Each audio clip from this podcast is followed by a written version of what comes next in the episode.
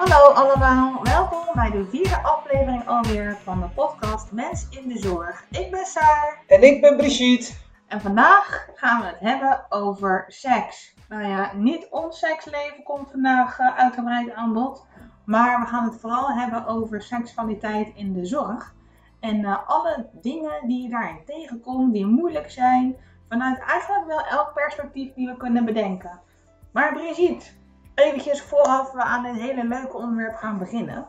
Wat wilden we eigenlijk eerst gaan doen vandaag? Nou, we hadden eigenlijk uh, besloten om te praten over een veilig leerklimaat weer. Om onze eerste werkdag op de werkvloer nog even uit te lichten. Ja, precies. Dus hoe is het voor een leerling of stagiaire op de eerste dag dat die komt? En wat kun je daar als collega aan doen? Maar die houden jullie nog van ons te goed. Ja, en ook hoe is het voor een nieuwe medewerker en hoe werd je welkom geheten? Precies. Maar toen dachten we, laten we even iets gaan behandelen wat best wel een moeilijk onderwerp is voor velen. Absoluut. Ook voor ons op die werkvloer. Ja, en, en, en, en we zaten ook eventjes na te denken over van, ja, we zitten nu natuurlijk dik in coronatijd. En uh, we zien ook dat de mensen die nu in de coronatijd in een verpleeghuis wonen, dat die, um, ja, daar wordt er best wel veel ook gedaan om hun te beschermen. Maar daar zitten natuurlijk ook weer keerpunten aan vast. Want wat doet het met je als uh, zorgvrager als je niet helemaal begrijpt wat er aan de hand is? Dat je niet je moeder of je vrouw mag omhelzen omdat je anderhalve meter afstand moet bewaren van elkaar ja, hoe moeilijk is het voor een cliënt die dat helemaal niet begrijpt, hè, wat je zegt, omdat ze dementerend zijn. Of verstandelijk beperkt, of een psychiatrische stoornis hebben. En dat is gewoon dat het heel, het is heel logisch als je je man weer ziet na een tijdje, dat je die gewoon een dikke knuffel wil geven en wil zoenen. Maar dat mag dan niet, omdat we nu leven met de huidige maatregelen. Ja, klopt. Um, maar om te beginnen, Sarah, wat? Wat, hoe is, wat betekent seks voor jou? En hoe zie, jij, hoe zie je jezelf over een aantal jaren als je bijvoorbeeld niet meer weet uh, uh, wie je bent geweest, maar je weet nog wel dat je je man hebt en je hebt misschien nog die seksuele behoefte? Hoe, hoe zou jij oud willen worden? Holy smoke! Holy smoke, wat een vraag man! Uh, maar wel een goede vraag, want ik bedoel, we hadden geen enkel taboe schuwen. Ja, dus even de vraag van Sarah. Um, hoe, hoe is jouw seksueel leven? Hoe kijk je er tegenaan? En hoe zie je jezelf uh, over 40 jaar? Nou, als ik het dan heb over mezelf, ik vind het uh, intimiteit gewoon heel erg belangrijk. Uh, daar, dat is ook gewoon een heel belangrijk onderdeel van mijn huwelijk. En ik hoop ook dat dat, ook als ik stok oud ben, dat dat nog steeds mag bestaan. En ik weet ook wel dat als je ouder wordt, dat er misschien uh, minder vaak zou kunnen gaan gebeuren. Maar ik uh, vind het dan wel belangrijk dat als we ouder zijn, dat we dan nog wel kunnen knuffelen. En, en dat ik dan nog wel die nabijheid van mijn man kan hebben. Dat, Voelen en ervaren. Ja, en, en omdat, ja, het is ook wetenschappelijk gewoon aangetoond okay. dat knuffelen uh, je stresslevel omlaag haalt. En het begint al met 20 seconden knuffelen. Dat doet al heel veel met je stresslevel. Dus als je stress hebt, nou ja, dan is er dus een oplossing van laat je gewoon heel even vasthouden. En kijk, voor de singles, uh, die er in uh, Nederland ook genoeg van zijn, en nu door heel corona geen nieuwe partner kunnen vinden, omdat natuurlijk hè, alles is dicht. En uh, wandelen ben je ook op een gegeven moment zat. Dan moet je ook anderhalve meter van elkaar doen. Ik ga op een gegeven moment ook huidhonger krijgen. Nee, maar ik denk ook dat al heb je bijvoorbeeld geen uh, partner met wie je oud kan worden, dat er nog wel een seksuele behoefte ontstaat. Ja. Laten we het even hebben over hoe het is voor iemand in een verpleeghuis. Maar wacht die... even. En oh. jou dan? Jij dan? Want jij gaat nu wel lekker snel over naar het grote onderwerp. Maar ja? ho ho, ho ho zus. Wat is het voor jou dan? Nou, ik uh, ben sowieso een heel warm persoon. En uh, als ik naar mezelf kijk, ik, uh, ik vind het vervelend om alleen te zijn. En dan heb ik het niet zozeer over dat ik altijd met een partner moet zijn. Maar ik vind het fijn om mensen om me heen te hebben. En ik heb heel veel behoefte aan lichamelijk contact en ook gewoon aan contact in welke vorm dan ook. Dus ik denk dat het voor mij heel verdrietig en pijnlijk zou zijn als ik door een ziektebeeld of wat dan ook in een huis kom waar ik mijn partner niet meer bij mij mag hebben. Of dat mijn partner, um, al wonen wij niet samen, maar dat hij niet gewoon naast mij in mijn bed mag komen liggen. Zonder dat een zuster dat vervelend vindt. Of zegt van, oh, kijk Brigitte maar weer daar met haar man knuffelen op dat bed. Uh, ik wil dat mijn man gewoon bij me moet kunnen komen. En als hij bij me wilt liggen of hij wil de dag met mij doorbrengen, moet daar de mogelijkheid toe zijn. Mm -hmm. Hé Sarah? Ja, absoluut. En uh, je ziet nu ook steeds meer dat er uh, van die uh, bedden ook zijn, toch? Van die koppelbedden ja. voor koppels. Ja. En um, dat is ook heel mooi dat je dan aan zo'n, want zo'n ziekenhuisbed of een hoog-laag bed, die je natuurlijk veel hebben in verpleeghuizen en andere ja. instanties, dat is uh, vaak een eenpersoonsbed. Ja. En als je daar een stretcher naast legt, dan heb je altijd zo'n gat in het midden Klopt, waar je, waar je in valt. dan ga je niet even naar een, eh, naar, naar een winkel om zo'n popper erop te kopen, want dat gaat dan alsnog val je in die gleuf. en dus uh, dit is een hele mooie uitvinding, vind ik, dat, ja. uh, dat koppelbed. En dat wordt vaak ingezet ook in zo'n laatste fase hè, van ja. mensen. Maar, maar, vind je soms niet dat het te laat wordt ingezet? Als ik, soms, als ik bijvoorbeeld kijk naar, uh, uh, je ziet, uh, nou het hoeft niet eens een dementerend persoon te zijn, eh, maar je komt van een thuissituatie, je kan niet meer lopen, je kan jezelf niet meer wassen en verzorgen, maar jouw partner is nog niet hè, hulpbehoevend als zodanig dat hij ook in aanmerking zou komen om in zo'n verpleeghuis met je te wonen hoe mooi zou het zijn als uh, jouw partner gewoon bij jou op bezoek kan komen en ook gewoon lekker met je knuffelt. Ik heb dat eigenlijk nog nooit gezien. Nou, te weinig. Maar weet je wat ook wel een beetje zo is, is als je dan, uh, stel, je met een, uh, stel je een koppel en jij als vrouw begint te dementeren en je gaat steeds minder zelf kunnen, dan gaat je man waarschijnlijk automatisch dingen ook overnemen als de, rol, als de relatie verandert in je huwelijk, van hè, dat de ene wordt ontvanger en de ander wordt meer zorggever, in hoeverre heeft dat ook weer invloed op die ja, interactie tussen man en vrouw? Ik bedoel, ja, dat is ook weer, legt toch ook wel weer een soort schaduw eroverheen? Zeg ik dat dan goed? Snap je wat ik zeg? Ja, ik, beetje, ik, ik, ik snap wat je zegt, maar als ik uh, gewoon echt vanuit mijn eigen ervaring kijk, en als ik dan uh, een voorbeeld moet nemen op een psychogeriatrische afdeling, afdeling met dementerende, dan uh, zie ik heel vaak van als een partner op de kamer komt en die partner wil misschien even naast zijn man of vrouw gaan liggen, dan merk je dat de medewerkers daarvan schrikken. Dat, dat, dat is wat ik vaak in mijn, in mijn carrière of loopbaan heb gezien. Ja. Van, uh, oh, hij gaat daar op bed liggen en nee, dat kan niet. Of er wordt heel, best wel statisch over. Of dan, uh, ja, ja, die, hij of zij is incontinent, dus is dat niet gewoon vies ook, weet je wel. Dat, dat is ook wel eens een ja. uh, oordeel. Maar, ja, hoe vies, of... maar hoe vies mijn partner ook zou zijn of wat dan ook, ik zou toch gewoon van mijn partner houden, want ik heb mijn partner op een andere manier gekend. Precies. Maar ja, je hebt ook wel eens dat je mensen betrapt terwijl ze met zichzelf bezig zijn. Als uh, zeg zorgverlener. Ja, nou ja, gewoon laten we gewoon een beetje bij het naam noemen. Er zijn natuurlijk ook gewoon zorgvragers die masturberen. Klopt, vaak meegemaakt. En er zijn ook uh, mensen die in een, een, verpleeghuis wonen of in een instelling wonen, die daarin zeg maar ontruimd zijn, die alleen maar masturberen. nou, ik, uh, als ik mijn partner mag geloven, die, die, die houdt van vrouwelijk schoon. En je hebt heel vaak dat als je een mannelijke zorgvrager gaat helpen en je hangt met die grote dikke tieten over hem heen om hem te wassen, dat die grijpt in die tieten. Of dat die, uh, oh wat een mooie zuster ben je. Of, uh, heb je dat wel eens meegemaakt, Sarah? nee, maar ik, ik heb soms het idee dat ik wel een, een warme zeg maar, zorgverlener ben, maar ik kan af en toe ook gewoon heel zakelijk en koud zijn. Dat ik niet het idee heb dat mensen tot nu toe in mijn carrière het idee hebben gehad van laat ik die zuster eens um, betasten. Nou, dat heb ik heel vaak gehad hoor Sarah. Ik heb dat echt heel vaak gehad. En vooral bij dementerende. Uh, heel vaak dat ze aan je zitten en dat ze het fijn vinden dat je ja, ik doe ook niets bijzonders. Maar ik, heb, ik heb het wel eens dat, dat hem door, door hun ziektebeeld, dat ze daarin ontremd zijn. Maar hoe vaak hebben we het niet meegemaakt op de afdelingen, Sarah?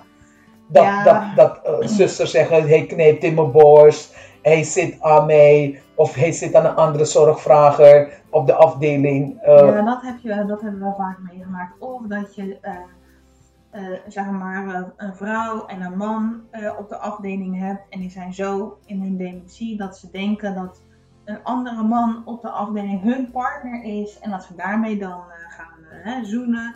Terwijl de man waar ze maar echt mee getrouwd zijn nog elke week trouw op bezoek komen. Ja. Nou, ik moet je zeggen, de laatste keer, ik heb een uh, mevrouw gehad en haar partner die kwam ook uh, met de rechterlijke machtiging bij ons. En, um, Wat betekent dat? Ja, dat hij dus uh, uit huis geplaatst is via de rechter.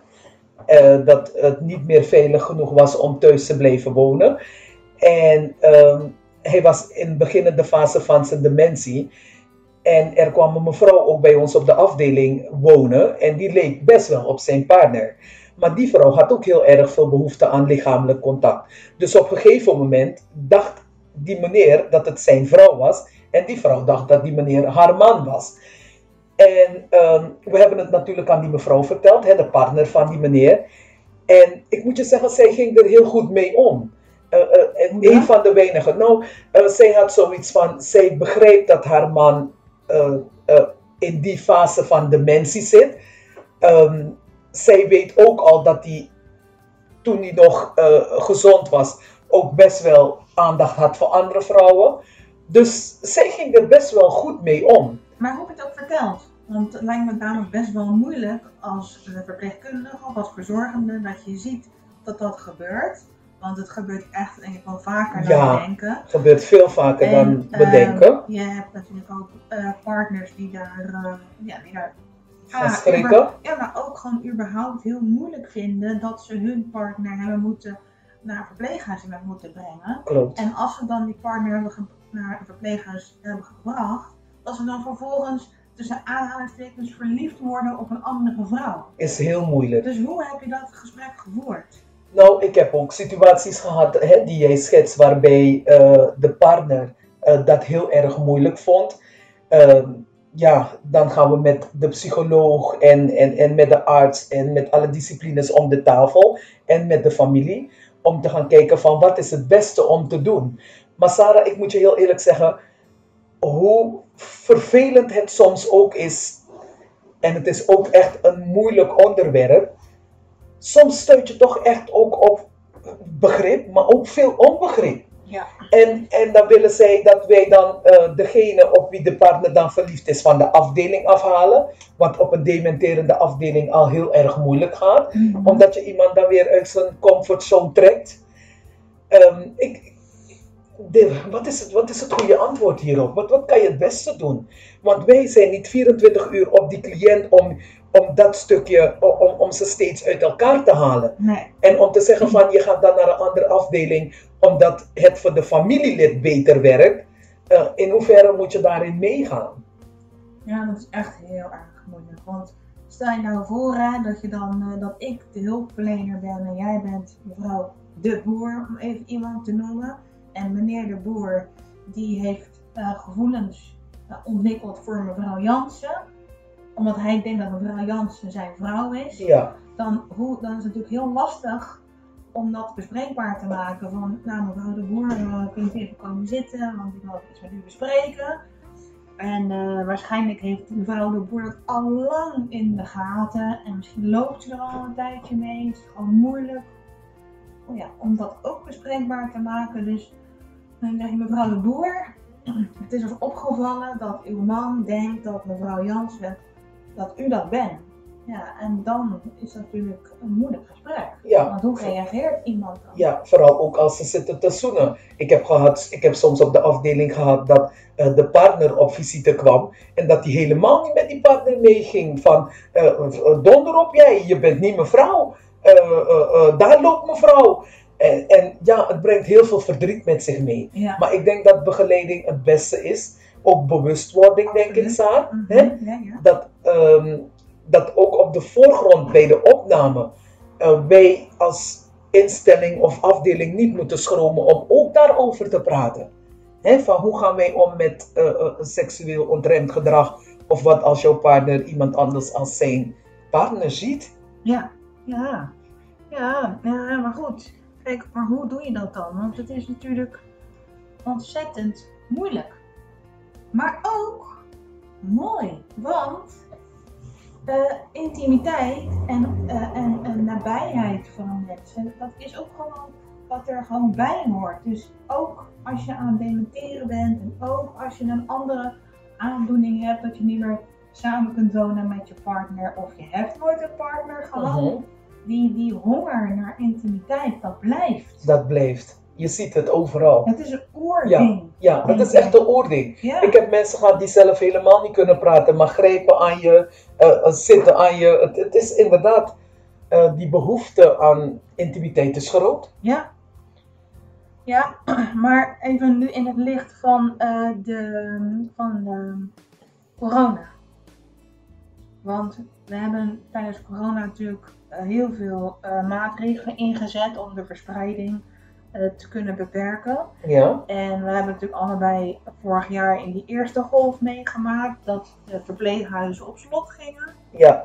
En dat partners niet meer op bezoek konden. En natuurlijk ook in het journaal vaak ook uh, schrijnende verhalen gehoord van, van partners die dan voor het raam staan. Ja. En dat die zorgvragen dan achter het raam staat en gaat gillen van... Is pijnlijk hoor. is toch niet om aan te zien is, is, niet om aan te zien. Sommigen hebben ook echt gezegd, ik heb nog liever dat mijn partner aan die enge ziekte sterft, dan dat ik mijn partner niet meer mag vasthouden of niet meer mag zien. Ja, precies.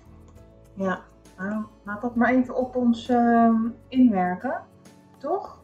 Zeker. Ja, maar stel je nou voor dat... Uh, Ehm, en nu, nu zijn de, de deuren natuurlijk al een tijdje open. We hebben ervan geleerd dat we niet meer die mensen gaan, um, gaan isoleren.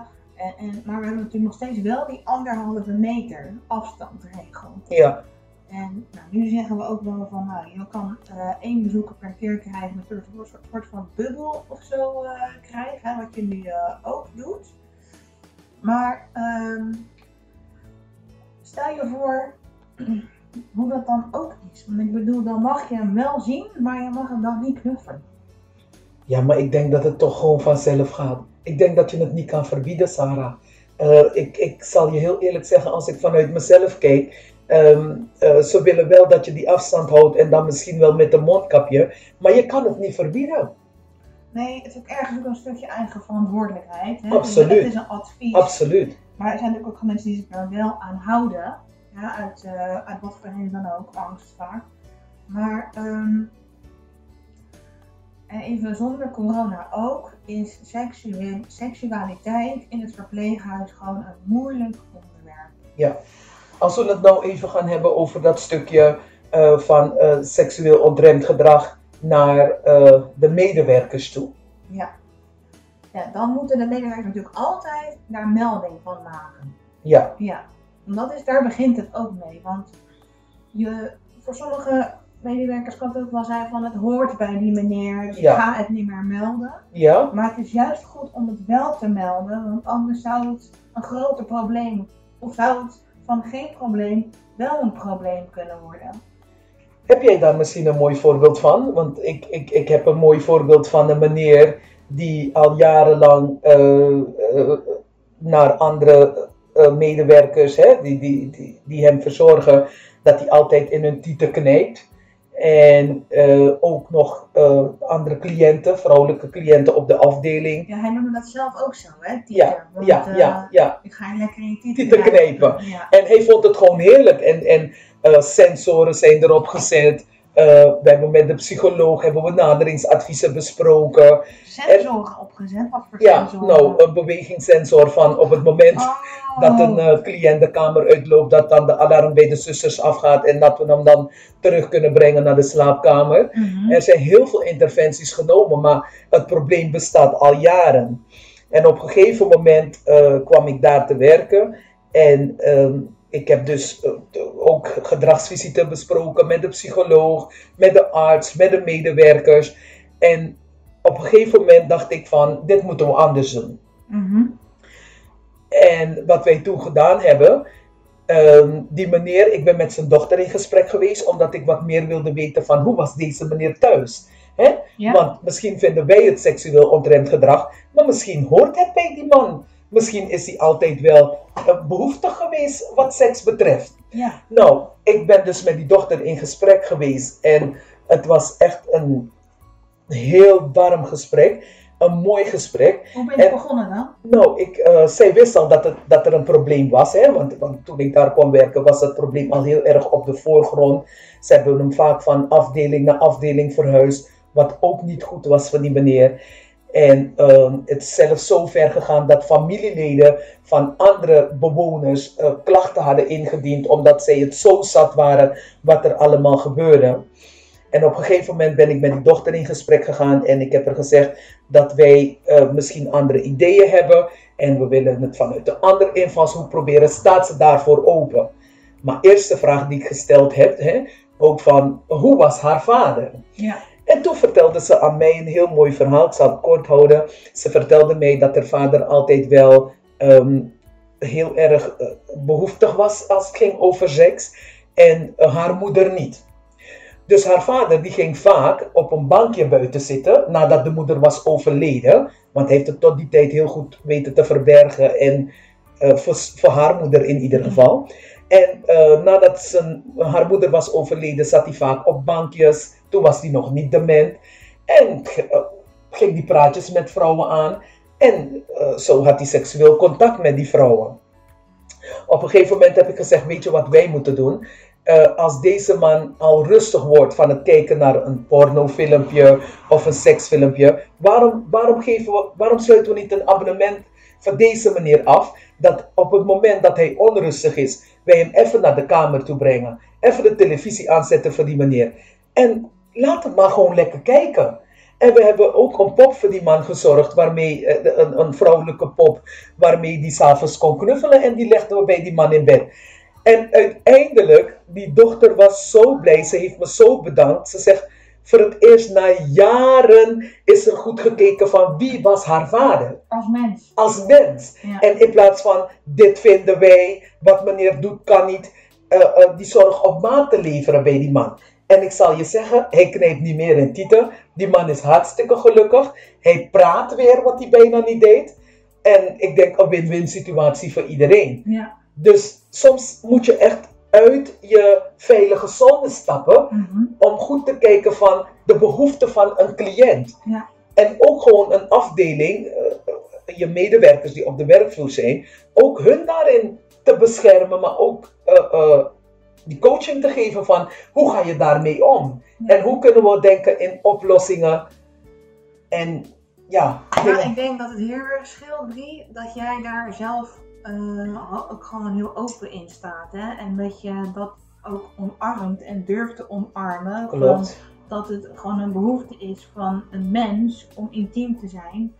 En dat uh, seksualiteit er gewoon bij hoort. Het is natuurlijk niet zo dat als je iemand in het verpleeghuis opneemt of komt laat verhuizen, dat hij dan alles meeneemt behalve die seksualiteit. Ja. Het hoort er gewoon bij. Hoort erbij. Ja. En maar moeten we dat misschien wat meer gaan belichten dan, Sarah? Uh, moeten medewerkers daar wat meer op getraind en gecoacht worden? Van hoe ga je er... we het ook gewoon wat meer over hebben. En ik denk dat onze podcast al een, een soort van een start is, hopelijk. Dat we daar gewoon eens een keer een gesprek over kunnen hebben. Misschien een keer uh, in de koffiepauze of zo. Van, uh, joh, nou, meneer De Boer, komt hij weer. Die heeft vandaag aan mijn borsten gezeten. En is dat bij jou ook gedaan? Dat we daar een beetje de, de, dat we niet hoeven te schamen dat het jou overkomt. Ook, klopt, klopt. Ook de medewerkers moeten we daarin beschermen. Want kijk, uh, je hebt medewerkers natuurlijk in alle geuren en kleuren. En waar de ene daar heel open over praat, hè, waar, waar we seks niet schromen, voor de ander is dat heel erg intiem. Ja. En, en je komt heel erg dan in een persoonlijke zone. Ja. Maar wat als je in die zorg zit en uh, het is hetzelfde als ik weet dat ik politieagent ben, weet ik dat ik een keer moet schieten. Nou, als je in die zorg zit, dan weet je dat dit erbij hoort. Dus we moeten ze wat meer daarin gaan trainen en, en scholen. Ja, en ook gewoon ervoor zorgen dat er een veilige omgeving is om het daarover te hebben. Ja, meer draagvlak gaan creëren. Precies, zodat de mensen wat minder verlegen zijn om daarover te praten. Absoluut, absoluut. En om dan nog een ander taboetje over, uh, nou taboetje, zeg maar gewoon een dik taboe met een hoofdletter T. Ja. Um, wat dacht je van uh, roze ouderen? Oh ja, die heb ik ook wel gehad, ja.